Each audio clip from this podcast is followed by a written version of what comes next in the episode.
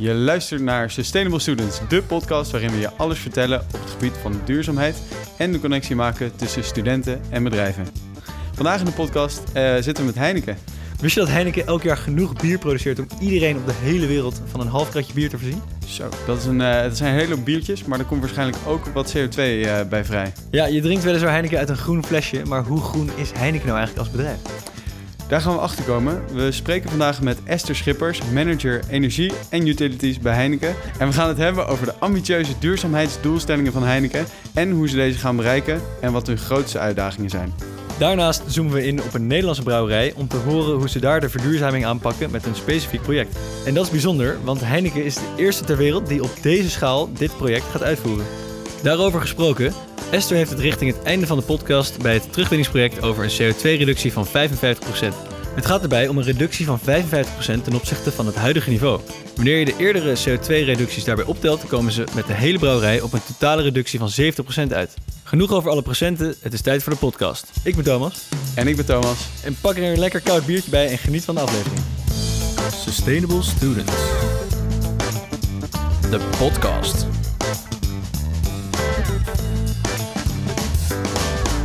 Welkom bij Sustainable Students. We zitten vandaag aan tafel met Esther Schippers, manager energie en utilities bij Heineken. Welkom. Dankjewel. Leuk dat je er bent. Uh, Esther, wat, wat betekent dat eigenlijk, manager utilities en energie? Um, ja, dat is een hele goede vraag. Um, ik ben hoofd van de afdeling energie. Uh, en om het te verduidelijken, onder energie uh, vallen allerlei installaties die beter ook bekend zijn als utilities. Um, dat is onder andere een uh, waterbehandeling, een afvalwaterzuivering, een koeling, uh, onze CO2-voorziening. Um, en, uh, dat zijn onze stoomvoorziening van, van de brouwerij. Um, dus vandaar ook een beetje de combinatie van energie, utilities in de brouwing. Dus eigenlijk gewoon hele grote apparaten die heel veel energie verbruiken. Of die in ieder geval energie verbruiken. Ja, en ook vooral opwekken, ook voor de brouwerij. Ja. Want jullie wekken ook je eigen energie op? Dat doen we ook. We hebben een warmtekrachtcentrale waarmee we met uh, uh, aardgas uh, omzetten in elektriciteit. Ja. Oké, okay, interessant. voordat we helemaal induiken op alle, allemaal technische aspecten, ben ik eigenlijk gewoon benieuwd wie zit er, wie zit er voor me? Ja, ik ben dus Esther Schippers inderdaad. ik werk bij Heineken. Dat doe ik nu zo'n 13 jaar. Um, ongeveer 3,5 jaar geleden in deze functie gekomen. En daarvoor heb ik een achtergrond in onderhoudsmanagement, dus een wat andere tak van sport. Um, dat heb ik vooral bij Heineken gedaan, maar ik heb ook nog hiervoor voor een uh, adviesbureau gewerkt en uh, bij een plant in de Botlek. Um, en ja, vier jaar geleden dus uh, deze stap gezet. Ja. En oorspronkelijk een Delftse student, las ik. Dat klopt, ja. Ik heb werktuigbouwkunde gestudeerd in Delft. Afgestudeerd in productietechniek. Ik weet niet of die afstudeerrichting nog bestaat. Maar, uh, ja, dat zou ik moeten weten, maar ik wil ook werktuigbouwkunde. ja. Um, ja, inderdaad. Dus uh, heb ik hier uh, in Delft gestudeerd. Ja. Bekend terrein. Ja. Uh, als we naar Heineken kijken als geheel, jullie hebben hele ambitieuze doelen, heb ik gezien. Wat is de visie en ambitie van Heineken op het gebied van duurzaamheid? Ja, nou, uh, ik focus me dan vooral even op de productie van, uh, van het bier, uh, omdat ik dus voor de brouwerij werk. Ehm, onze focus is om in, met heel Heineken in 2030 80% van onze CO2 te hebben gereduceerd. dat is ten opzichte van het referentiejaar 2008. en 70% van onze energie is dan renewable energie. Um, voor onze brouwerijen in uh, Nederland hebben we nog wat ambitieuzere doelstellingen. We hebben gezegd uh, in 2030 gaan wij gewoon voor de volle 100%. Dus de drie brouwerijen in Nederland, Zoeterwoude, Den Bosch en Wielren, die gaan ervoor om in 2030 volledig CO2-neutraal te zijn. Nou, Kijk, dat zijn, uh, ja. dat zijn flinke, flinke ambities. Even nog een korte vraag. Je zei 80% reductie, maar 70% renewable wereld, wereldwijd is dat dan, denk ik. Ja, ja wat, van wat, al onze wat betekenen die twee percentages? Uh, nou, 70% renewable gaat er dus om dat de energie die je gebruikt, dat die voor 70% duurzaam is. En je CO2 gaat om je CO2-uitstoot. Dus van wat je dan nog aan energie, dus de, ja, wat je nog aan energie gebruikt, is dus ten opzichte van dat jaar 2008 met 80% gereduceerd. Het is niet helemaal één op één verbonden. Eh, je CO2-uitstoot en je renewable energie. Vandaar ook dat onderscheid dat we daar ook in eh, maken. En zijn dat dan, is, is dat dan wereldwijd voor alleen de groene Heineken biertjes? Of kunnen we dan ook alle andere biermerken die onder Heineken vallen daarvoor rekenen? Allemaal. Allemaal? Ja. Kijk, dat is Dat een hele, een hele hoop bier. En jullie zijn in 2008 al hiermee begonnen? Nou, toen waren we, hadden, we, hadden we al wat ontwikkelingen hoor. Maar Ja. toen is het statement gemaakt... in 2030 gaan we voor deze ambitie. En het is nu 2021. Hoe ver eh, zijn we, zijn we daarmee? Uh, nou, ik kan in ieder geval vertellen voor uh, Heineken Nederland uh, in zijn totaliteit zitten we nu um, ten opzichte van 2008 zijn we 50% al in CO2 gereduceerd. Dus dat is een enorme stap. En qua renewable energie zitten we ongeveer op zo'n uh, 23%. En waar komt dat vandaan? De renewable energie? Die renewable energie komt van een aantal bronnen. Voor elektrisch uh, hebben we um, zowel in Den Bosch als in Zoeterwoude uh, ontzettend veel zonnepanelen neergelegd op het dak. Um, in Den Bosch komt dan ook 10% van onze energie komt van die zonnepanelen af. Dat is een behoorlijk uh, zonnepanelenpark. Um, in Zoeterwoude hebben we vier windmolens staan. En die zijn voor ongeveer, die leveren 38% van onze elektriciteit voor de brouwerij. Gewoon, die staan naast de brouwerij gewoon? Die staan naast de brouwerij, ja. Oh, dat als je over de snelweg rijdt, kun je die, uh, kun je die zien, toch? Oh, okay. Ja, als je de, over de A4 rijdt, inderdaad richting Amsterdam, daar, uh, daar zie je ze staan. En als je dan rechtsaf slaat over de N11, daar ja. staan ze, inderdaad staat onze brouwerij. En daar zie je dus vier windmolens staan uh, naast de brouwerij. Die direct uh, power, nou mooi. Ja. Kunnen jullie in de brouwerij ook zien hoeveel die windturbines en die zonnepanelen voor jullie opwekken? Ja, dat kunnen we zien inderdaad. Dus uh, dat is ook altijd wel leuk om even te kijken. Dus op sommige momenten, als het dan heel hard waait, dan, uh, dan zie je soms zelfs dat uh, de brouwerij minder vraagt aan elektriciteit dan dat de windmolens opleveren. Dat zijn wel mooie momenten. Dat zijn dus, de, de, echte de mooie groene momenten ja. waarop dus alles op duurzame elektriciteit draait. Ja. Nou, en naast elektriciteit zijn we ook al wel begonnen met uh, thermische energie. Dus uh, vermindering van onze aardgas. En bijvoorbeeld in Den Bosch, die krijgt zijn aardgas van een uh, waterzuivering uh, terug. En dat levert ook al 43% van de thermische energie gaat dus al uit aardgas, of uit biogas. Oké, okay, dus want dat is al een hele mooie transitie. Daar gaan we het straks verder over hebben. Ja, zeker. Um, ik zit even te denken. Want je krijgt dan die, die, uh, die energie van die waterzuivering... die krijg je terug in de vorm van biogas. Ja. ja. Is dat iets wat we nu gaan bespreken of is dat iets voor straks? Uh, ik kan nu. Ja? Ja. Hoe, Hoe werkt, werkt dat? dat? nou, um, is dat jullie eigen waterzuivering voor het bier? In, uh, in Den Bosch, uh, nee. Uh, wij hebben wel onze eigen afvalwaterzuivering. Um, maar de constructie zoals ze in Den Bosch hebben... is dat zij wel de, de afvalwater van de brouwerij... die gaat naar AMA's, afvalwaterzuivering. Daar komt ook ander afvalwater bij. En um, als je afvalwater verwerkt, kun je dat op verschillende manieren doen. En één manier is via een anaerobe reactie. En dan haal je eigenlijk alle ja, uh, koolstofcomponentjes zeg maar, die erin zitten. Zoals bijvoorbeeld resten van het bierbrouwen die erin zitten. Um, die haal je uit uh, je afvalwater. En via zo'n anaerobe reactor krijg je dan biogas. Een soort die biogas, vergisting is dat weer? Um, ja, het is een ana anaerobe reactie. Het is geen vergisting, maar het is een, uh, een ander, iets ander proces. Um, en dat, ja, er ontstaat dus uh, uh, ja, mooie, mooie biogas uit. En die, dat biogas, nou, die kun je gewoon, die is van hele hoogwaardige kwaliteit. en die kun je gebruiken, net als aardgas, bijvoorbeeld voor een stoomketel. Die meng je gewoon bij? Ja, nou ge gewoon, gewoon. Maar je, die, die meng je zijn. inderdaad bij. Ja, en, uh, en dat gaat, uh, dan krijg je dan heel mooi uh, groen stoom uit. Ja. Mooi. Dus in Zoeterwoude hebben we dat ook. Uh, alleen daar hebben we onze eigen afvalwaterzuivering. Um, en daar is het percentage dus ook ietsje lager, omdat in een bos combineren ze dat dus met andere, andere, andere stromen, stromen inderdaad. Ja. ja. En bij ons is ongeveer 7% van ons thermisch verbruik komt uit biogas vandaan. En dat is in, in iets wat in de afgelopen, dat is sinds 2013 of 2008? Nee, dat is al langer, ja. Oké, okay, dus dat dus, deden jullie al voordat jullie ja. met die duurzaamheids... Uh... Ja, het was niet zo dat we in Doelstellingen kwamen. 2008 pas begonnen zijn. Nee. Oké, dus dat was al een, een langer proces. Ja, want daar was ik nog benieuwd naar, want Heineken bestaat al heel lang natuurlijk. Wanneer is duurzaamheid in de picture gekomen? Oh, dat durf ik niet te zeggen. Ik denk dat, dat Heineken altijd wel eh, eh, bezig is geweest met het, duurzaam eh, brouwen. Ehm, en je ziet ook dat het een, ook een maatschappelijk iets is wat ook steeds meer in opkomst is. Dus je ziet dat daar, en, en niet alleen Heineken natuurlijk, maar allerlei andere bedrijven daar ook steeds meer aandacht aan besteden. Maar er is wel altijd veel aandacht voor geweest. Want Heineken is ook vrij, zeker Heineken in Nederland, wat je zegt, is vrij agressief als het gaat om die duurzaamheidsdoelstellingen. Ik vind 2030 is echt heel, heel dichtbij. Zeker voor zo'n eh, voor zo'n groot bedrijf.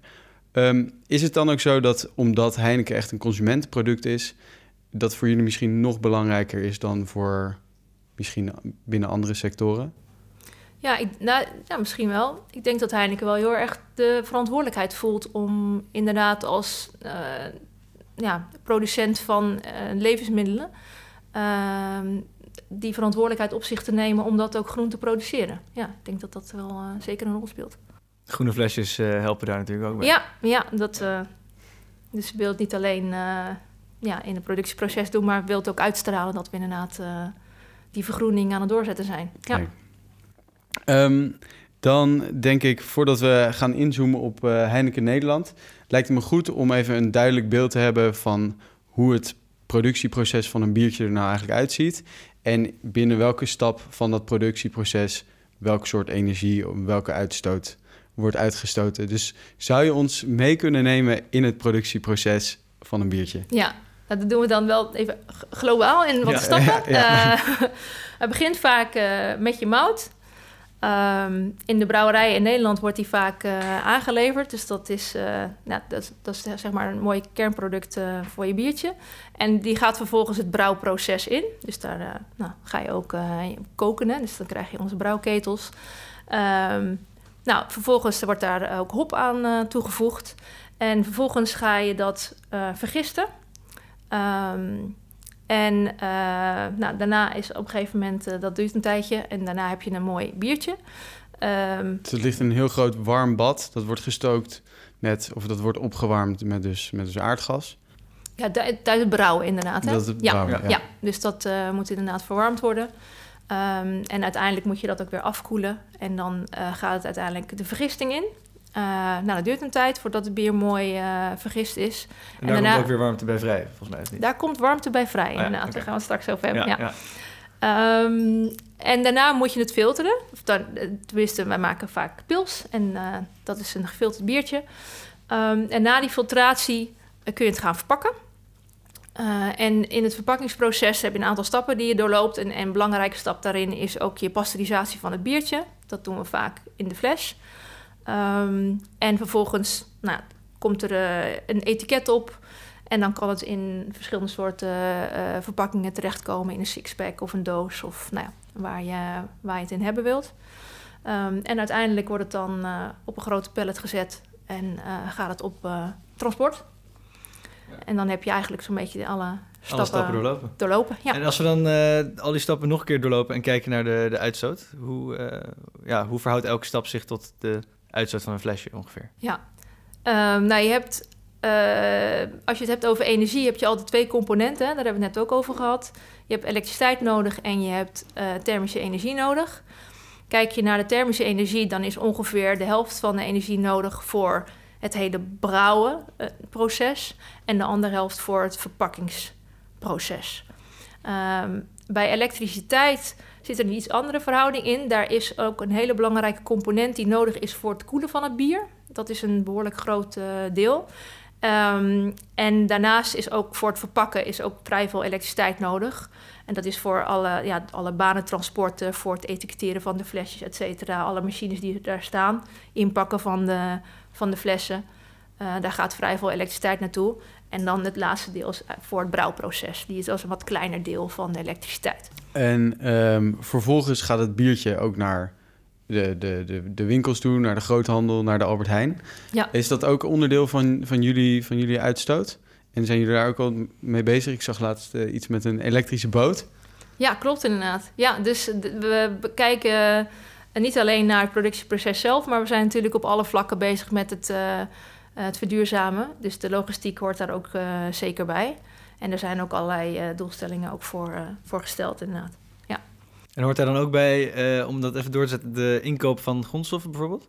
Ja, ook daar wordt naar gekeken, inderdaad. Dus er zijn gesprekken met onze leveranciers, omdat we ook niet alleen ehm, ja, wat we zelf in de hand hebben willen vergroenen. Maar we voelen ons ook verantwoordelijk voor dat wat we inkopen, dat we dat ook zo groen mogelijk uh, doen. Dus dat klopt, ja. Okay. Uh, en dan uh, verpakkingen. Ik heb meegekregen dat dat een van de grootste bijdragers is aan de impact. CO2-impact, ja. Aan de CO2-impact? Ja. Ongeveer de helft? Meer dan de helft? Ja, dat klopt um, we drinken nu een 0,0 biertje uit een flesje waar geen statiegeld op staat. is dat iets wat dan in de toekomst gaat komen? Of waarom zit daar geen statiegeld op? Kun je daar iets over vertellen? Nou, dat vind ik een uh, hele goede vraag. uh, en daar, uh, nou, voor een deel hebben we natuurlijk returnable flesjes. Ja. Dus die, zijn, die worden ook veel, veel toegepast. en voor een aantal producten is dat nog niet het geval. Ik ben zelf niet bekend met de strategie over welke richting men opgaat. Maar ja. het is inderdaad bekend dat een retourfles kan, gaat natuurlijk meerdere keren mee en is in die zin duurzamer. Um, ja, wel is het zo dat we ook een deel van onze producten ook naar het buitenland gaat. Uh, en dan wordt het dus veel lastiger om uh, ja, te, in ieder geval um, weer te retourneren zoals wij onze returnable fles in, in Nederland hebben. Um, dus dat maakt het wel lastiger om op die manier te recyclen. Ja. Als we het toch over 0.0 biertjes hebben, is misschien wel een leuke voor de luisteraarsvraag. De luisteraarsvraag komt van Martin en die is benieuwd of de uitstoot van een 0.0 biertje lager is dan van een normaal biertje. Nee. Gewoon hetzelfde? Nee, meer. Oh, meer? Ja. Oh, dat, dat komt omdat je het alcohol eruit moet halen. Ah. En dat is een, uh, een stap die extra energie kost. Ja. Dus je bent uh, zelf uh, ietsje minder duurzaam bij een uh, 0.0 biertje. Ja. laten we even gewoon inzoomen op de bier, het bierbrouwproces in Nederland. Want daar zijn jullie ook heel veel stappen mee aan het zetten. Jullie windturbines, PV-panelen. de hele elektrificatiestap, daar hebben jullie al heel veel voortgang in geboekt. En jullie zijn al 50% gereduceerd. Maar nu komt volgens mij de moeilijkere stap en dat is het thermische proces verbeteren. Die zijn heel erg afhankelijk van, van gas voor bijvoorbeeld de productie van stoom. Um, en jij bent nu specifiek bezig met één project binnen dat thermische proces om daar uh, verbeteringen in te maken. Um, kun je ons daarin meenemen? Ja, natuurlijk. Ja, je zegt het denk ik heel erg goed. Het, het, een van de lastigste dingen voor het verduurzamen is die energiereductie op het gebied van thermische energie. Um, Waarom is dat het lastigst? Nou, ik denk dat je ook wel in de media hoort van hoe krijg je de mensen van het gas af? Je kunt uh, elektrificeren, maar dat is ja, tot op zeker, zekere hoogte mogelijk. En vooralsnog is het ook nog een vrij dure stap om bijvoorbeeld elektriciteit te gebruiken om thermische energie mee op te wekken. Dat is uh, gewoon veel minder efficiënt dan dat je het met uh, gas doet. Dus we zijn op zoek naar allerlei andere bronnen uh, om thermische energie mee op te wekken, maar daar zijn we gewoon niet zo ver in.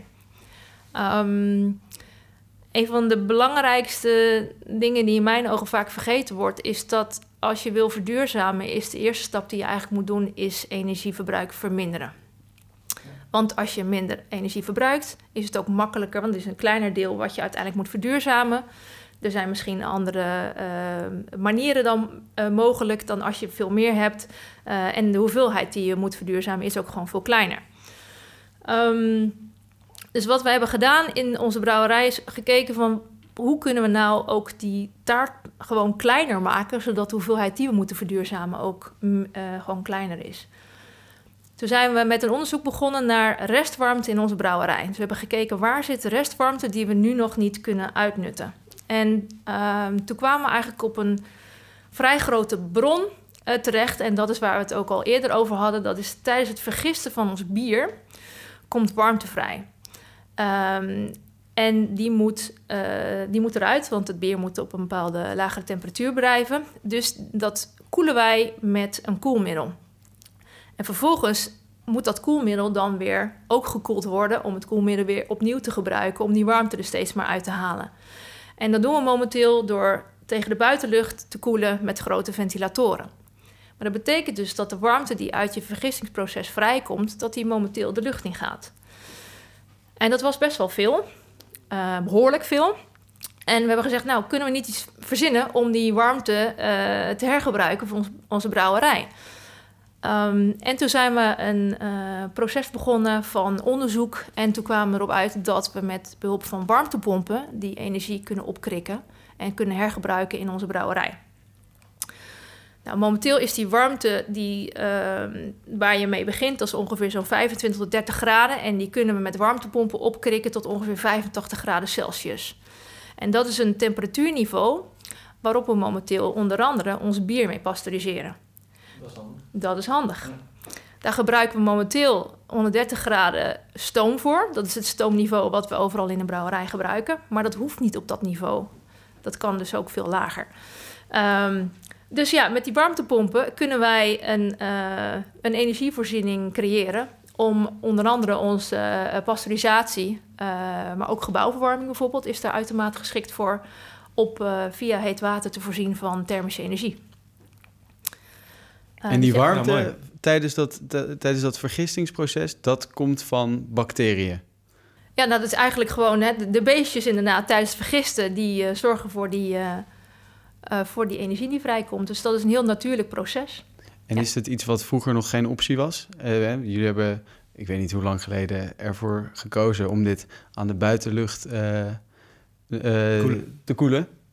Wat waarschijnlijk een hele logische keuze was. En is er, is er iets veranderd waardoor dat nu niet meer een optie is? Behalve dat het natuurlijk gratis energie is eigenlijk waar je niks mee doet. Ja, het is een het is geen eenvoudig proces om deze energie eraan te onttrekken. En tot nu toe um, was het ook um, bijna niet mogelijk om deze energie er op deze manier uit te onttrekken. Je kunt die warmte gebruiken, maar tot nu toe waren de voorzieningen of de, de uh, installaties die er beschikbaar waren, dus met name de compressoren die je hiervoor nodig hebt, die waren en nog niet zo groot. Um, en de, eh, de rendementen die men eruit kon halen, waren daardoor ook niet zo hoog. Dus pas sinds kort zijn er uh, compressoren op de markt. Uh, die op dit temperatuurniveau, dus die echt van die 25 30 graden naar die 85 graden kunnen gaan. Uh, en ook op zo'n grote hoeveelheid dat kunnen verwerken. Dus als men die ideeën al had, was dat tot nu toe gewoon veel te duur en ook inefficiënt om dat te realiseren. Um, dus dit is eigenlijk ja, een vrij uh, nieuwe innovatie die we nu gaan, uh, gaan toepassen. En zou je hiermee die stoom- en gasinstallatie helemaal kunnen vervangen? Of blijft die nog voorlopig wel nodig? Ja, dus um, we gaan dus de, daar waar mogelijk gaan we dus um, dit, deze warmte toepassen vanuit die warmtepompen. Maar voor het brouwproces bijvoorbeeld is nog steeds die 130 graden stoom nodig. En daar moeten we dus andere oplossingen voor, voor zien te vinden. Ja, dus het is niet we zijn nog niet volledig uh, klaar dan. Ja, nee. Ja. Kan wel het hele pasteurisatieproces hierop lopen? Ja. Dat is wel een flinke stap. Dat is een enorme stap. Kan me ja. voorstellen. Ja, dus met, met deze stap, het is wel echt uh, een enorme klapper die we gaan maken, gaan we dus uh, zo'n 55% van onze CO2 op dit niveau gaan we reduceren. Dus dat geeft wel aan dat dit echt een enorme impact zal hebben. We hebben nu een warmtekrachtcentrale en twee stoomketels. Wij gaan die warmtekrachtcentrale uitzetten. Oh ja. Want de hoeveelheid stoomvraag die we dan nog hebben, is te weinig om die warmtekrachtcentrale draaiende te houden. Bovendien, we gebruiken die momenteel om elektriciteit mee op te wekken met aardgas. Dat gaan we dus niet meer doen. En daarmee um, verduurzamen we nog weer een stukje extra. Want die aardgas, om, daar maak je grijze uh, elektriciteit mee. En dat willen we niet meer. Dus die, doordat je dit proces dus nu in werking stelt, gaat die warmtekrachtcentrale uit, geen grijze stroom meer. En het hele exact. pasteurisatieproces ja. is geregeld. geregeld. Dat betekent dus ook dat we vanaf dan is al onze elektriciteit ook 100% groen. Ah. Oh, Oké. Okay. Dat is, dat is ja. inderdaad een flinke ja. stap. Ja. En uh, ja, dat wilde ik vragen. Uh, vanaf wanneer zijn jullie hiermee begonnen? Wanneer wordt het en wanneer wordt het geïmplementeerd? Zeg maar, zijn de biertjes nu al gepasteuriseerd door dit proces? Nee, we zijn in 2018 begonnen met een eh, studie van eh, twee stagiairs. Daar is toen eh, onze engineering afdeling is er toen eh, ook mee aan de slag gegaan. En we zijn ehm, ehm, vorig jaar hebben we de eerste stappen gezet echt naar het uitwerken van het project. En dit jaar eh, worden de eerste installaties, eh, ja, wordt eigenlijk ruimte gemaakt voor eh, met name het gebouw, bijvoorbeeld voor de warmtepompen. Daar wordt dit jaar mee begonnen. En volgend jaar verwachten we dat we de rest van de installaties eh, zullen gaan, eh, gaan bouwen. Dus ik hoop eind volgend jaar, begin 20, ja, 2023, dat wij eh, de boel eh, in productie hebben. Ja. Zo, dat is echt, eh, dat gaat in een flink tempo. Maar dan zijn we er nog niet. Want dan komen er nog andere, ja, dan ben je nog steeds afhankelijk van een beetje gas. Wat zijn de volgende stappen die jullie eh, gaan zetten? ja, daar zijn we momenteel druk mee bezig. Dus eh, ook daar lopen studies op ehm, om dat laatste stukje ook nog eh, inderdaad energie-neutraal te krijgen. Daar kan ik niet al te veel over vertellen, maar eh, daar zit ook zeker wat in de pen, want die deadline van 2030, daar gaan we natuurlijk voor. Eh, is het zo makkelijk als meer windmolens en meer zonnepanelen? Of komt er, komt er meer bij kijken? Moet je creatiever nadenken over allerlei processen? Ja, het gaat er met name om dat laatste stukje thermische energie. En Ja. eh, zolang we zeg maar, dat brouwen, dat heeft gewoon een hoog niveau eh, energie nodig. Dus eh, daar zijn vooralsnog de middelen in beperkt. Ehm, maar daar hebben we toch wel wat eh, ideeën bij hoe we dat eh, willen gaan realiseren. Ja, ben benieuwd. Even om ook een beeld te krijgen met... eh, jullie nemen 2008 als eikjaar. Ehm, eh, als je daar 100% aardgas hebt gebruikt voor de thermische processen... waar zitten jullie dan nadat, ehm, nadat jullie de, deze warmtepompen hebben geïnstalleerd? Nou, dan hebben we dus zo'n 55% van onze ehm, CO2-uitstoot gereduceerd. En het is, natuurlijk ook, het is een combinatie. Nou, het is een combinatie van elektriciteit en thermische energie. Mhm. En dat zit er met name ook in het component vanwege het feit dat we een warmtekrachtcentrale hebben, waarbij we nu aardgas gebruiken en grijze elektriciteit opwekken. Ehm, en die gaat dus straks stil. Eh, en dan zijn we ook volledig groen met elektriciteit. Dus het is een eh, reductie van 55% op het totale CO2-uitstoot. Ja. Je kunt het dus niet als losstaande dingen zien. Nee, we gaan, eh, Mhm. we gaan in, eh, in thermisch verbruik enorm achteruit. En we moeten natuurlijk ook voor die warmtepomp een klein beetje elektriciteit wel er Zeker. weer bij doen. Mhm. Eh, want die vragen ook elektriciteit. Ja. Ja. Dus maar onderaan de streep is het nog een hele dikke plus. Dus ja, precies. Hey, en in termen van eh, de concurrent, hoe staan jullie ten opzichte van de andere brouwerijen? ja, dat is een hele goede vraag. Ja, alle brouwerijen zijn hier druk mee bezig. Dus de ene brouwerij is wat verder dan de ander. Eh, ja, de exacte getallen heb ik niet, maar eh, het is wel een. eh, eh, je merkt wel dat er wel ook competitie is tussen de brouwerijen over nou, wie is nou het eerste hierin. Mhm. En een, een positieve Zeker, competitie natuurlijk. Want ja, iedereen wil natuurlijk laten zien wat hij kan. Dus eh, ja, alle brouwerijen een zijn er nek-aan-nek druk mee. race. Ja, het is, we zijn er allemaal hard mee bezig. Ja. Dan gaan we nu naar de recyclevraag van onze vorige gast. Die was van eh, Mayada van eh, Edge Technologies. Recyclevraag. Eh, en zij had de volgende vraag voor jullie. Ik heb veel gelezen over de plannen van eh, Heineken, inderdaad om hun primaire proces, dus de, de bierbrouwerij, om dat te verduurzamen. Maar ik was eigenlijk wel benieuwd of zij ook zulke plannen hebben voor hun eh, kantoren. Een echte vraag van een eh, projectontwikkelaar. Zijn jullie dat? ja, die hebben we ook. Eh, de, ook alle kantoren eh, moeten uiteindelijk verduurzaamd worden. Dus dat betekent dat daar ook momenteel hard aan gewerkt wordt om die ook helemaal duurzaam te krijgen. Ja, dat klopt. En zou dat dan ook eh, een, een... Je had het net al over eh, De warmtepomp. de warmtepomp. Zou dat dan ook met elkaar geïntegreerd kunnen worden? Ehm, ja, in ons geval is het, heb je dan logistiek wat eh, uitdagingen, zeg maar, qua afstand. Maar ehm, we hebben momenteel ook een, al een kantoor in onze brouwerij die al op ehm, helemaal eh, duurzaam op warmte zit. Ehm, we maken gebruik van wortdamcondensors eh, en daarbij komt energie vrij. En die gebruiken we voor het verwarmen van het bedrijfskantoor onder andere. Dus die zit al helemaal op ja, restwarmte eigenlijk. Dus voor een deel eh, draaien jullie dus al op de restwarmte van, eh, van de brouwerij. Ja. Ehm, dan eh, de volgende gast. Na een biertje heb je altijd een brakke ochtend. eh, en na het oogsten heb je een brak landschap. We gaan eh, volgende week spreken met eh, Wilderland. En zij maken onkruidthee en herstellen tegelijkertijd de biodiversiteit... door bijen, vogels en vlinders aan te trekken. Ze zaaien namelijk deze kruiden op stukjes brak land van boeren in Nederland... en trekken daarmee eh, die dieren aan om de biodiversiteit te bevorderen. Eh, wat is jouw vraag aan Wilderland? Ja, dan, dan moet ik natuurlijk wel eerst stellen dat als je last hebt van een brakke ochtend, dat je dan natuurlijk een Heineken 0.0 moet eh, pakken. Dat zei, wie zei dat ook weer? Dat scheelt een Ehm, boel. Wopke Hoekstra, die zei datzelfde. Ja, oké. Nou, eh, maar ja, ik, ik heb wel een vraag inderdaad. Ik, wat ik, ik vind het een heel interessant eh, onderwerp. Eh, wat ik me wel afvraag is... eh de brakke land in Nederland is voor het overgrote deel is dat niet biologisch. Dus daar hebben producten op gestaan... waar misschien allerlei bestrijdingsmiddelen voor toegepast zijn. In hoeverre kun je dan inderdaad dit soort kruiden en zo er wel opgroeien? En is dat dan wel helemaal veilig? Of, en krijgt het dan een bepaald predicaat? Hoe ga je daarmee om?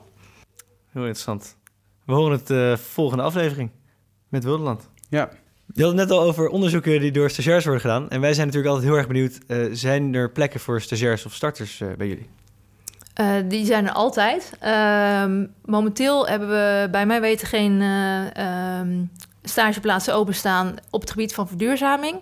Maar die komen wel eh, met enige regelmaat komen dat soort eh, stages langs. Ehm, wel kun je altijd eh, op de site kijken van, eh, van Heineken eh, naar stageplaatsen. Want we hebben op allerlei vlakken hebben we stages.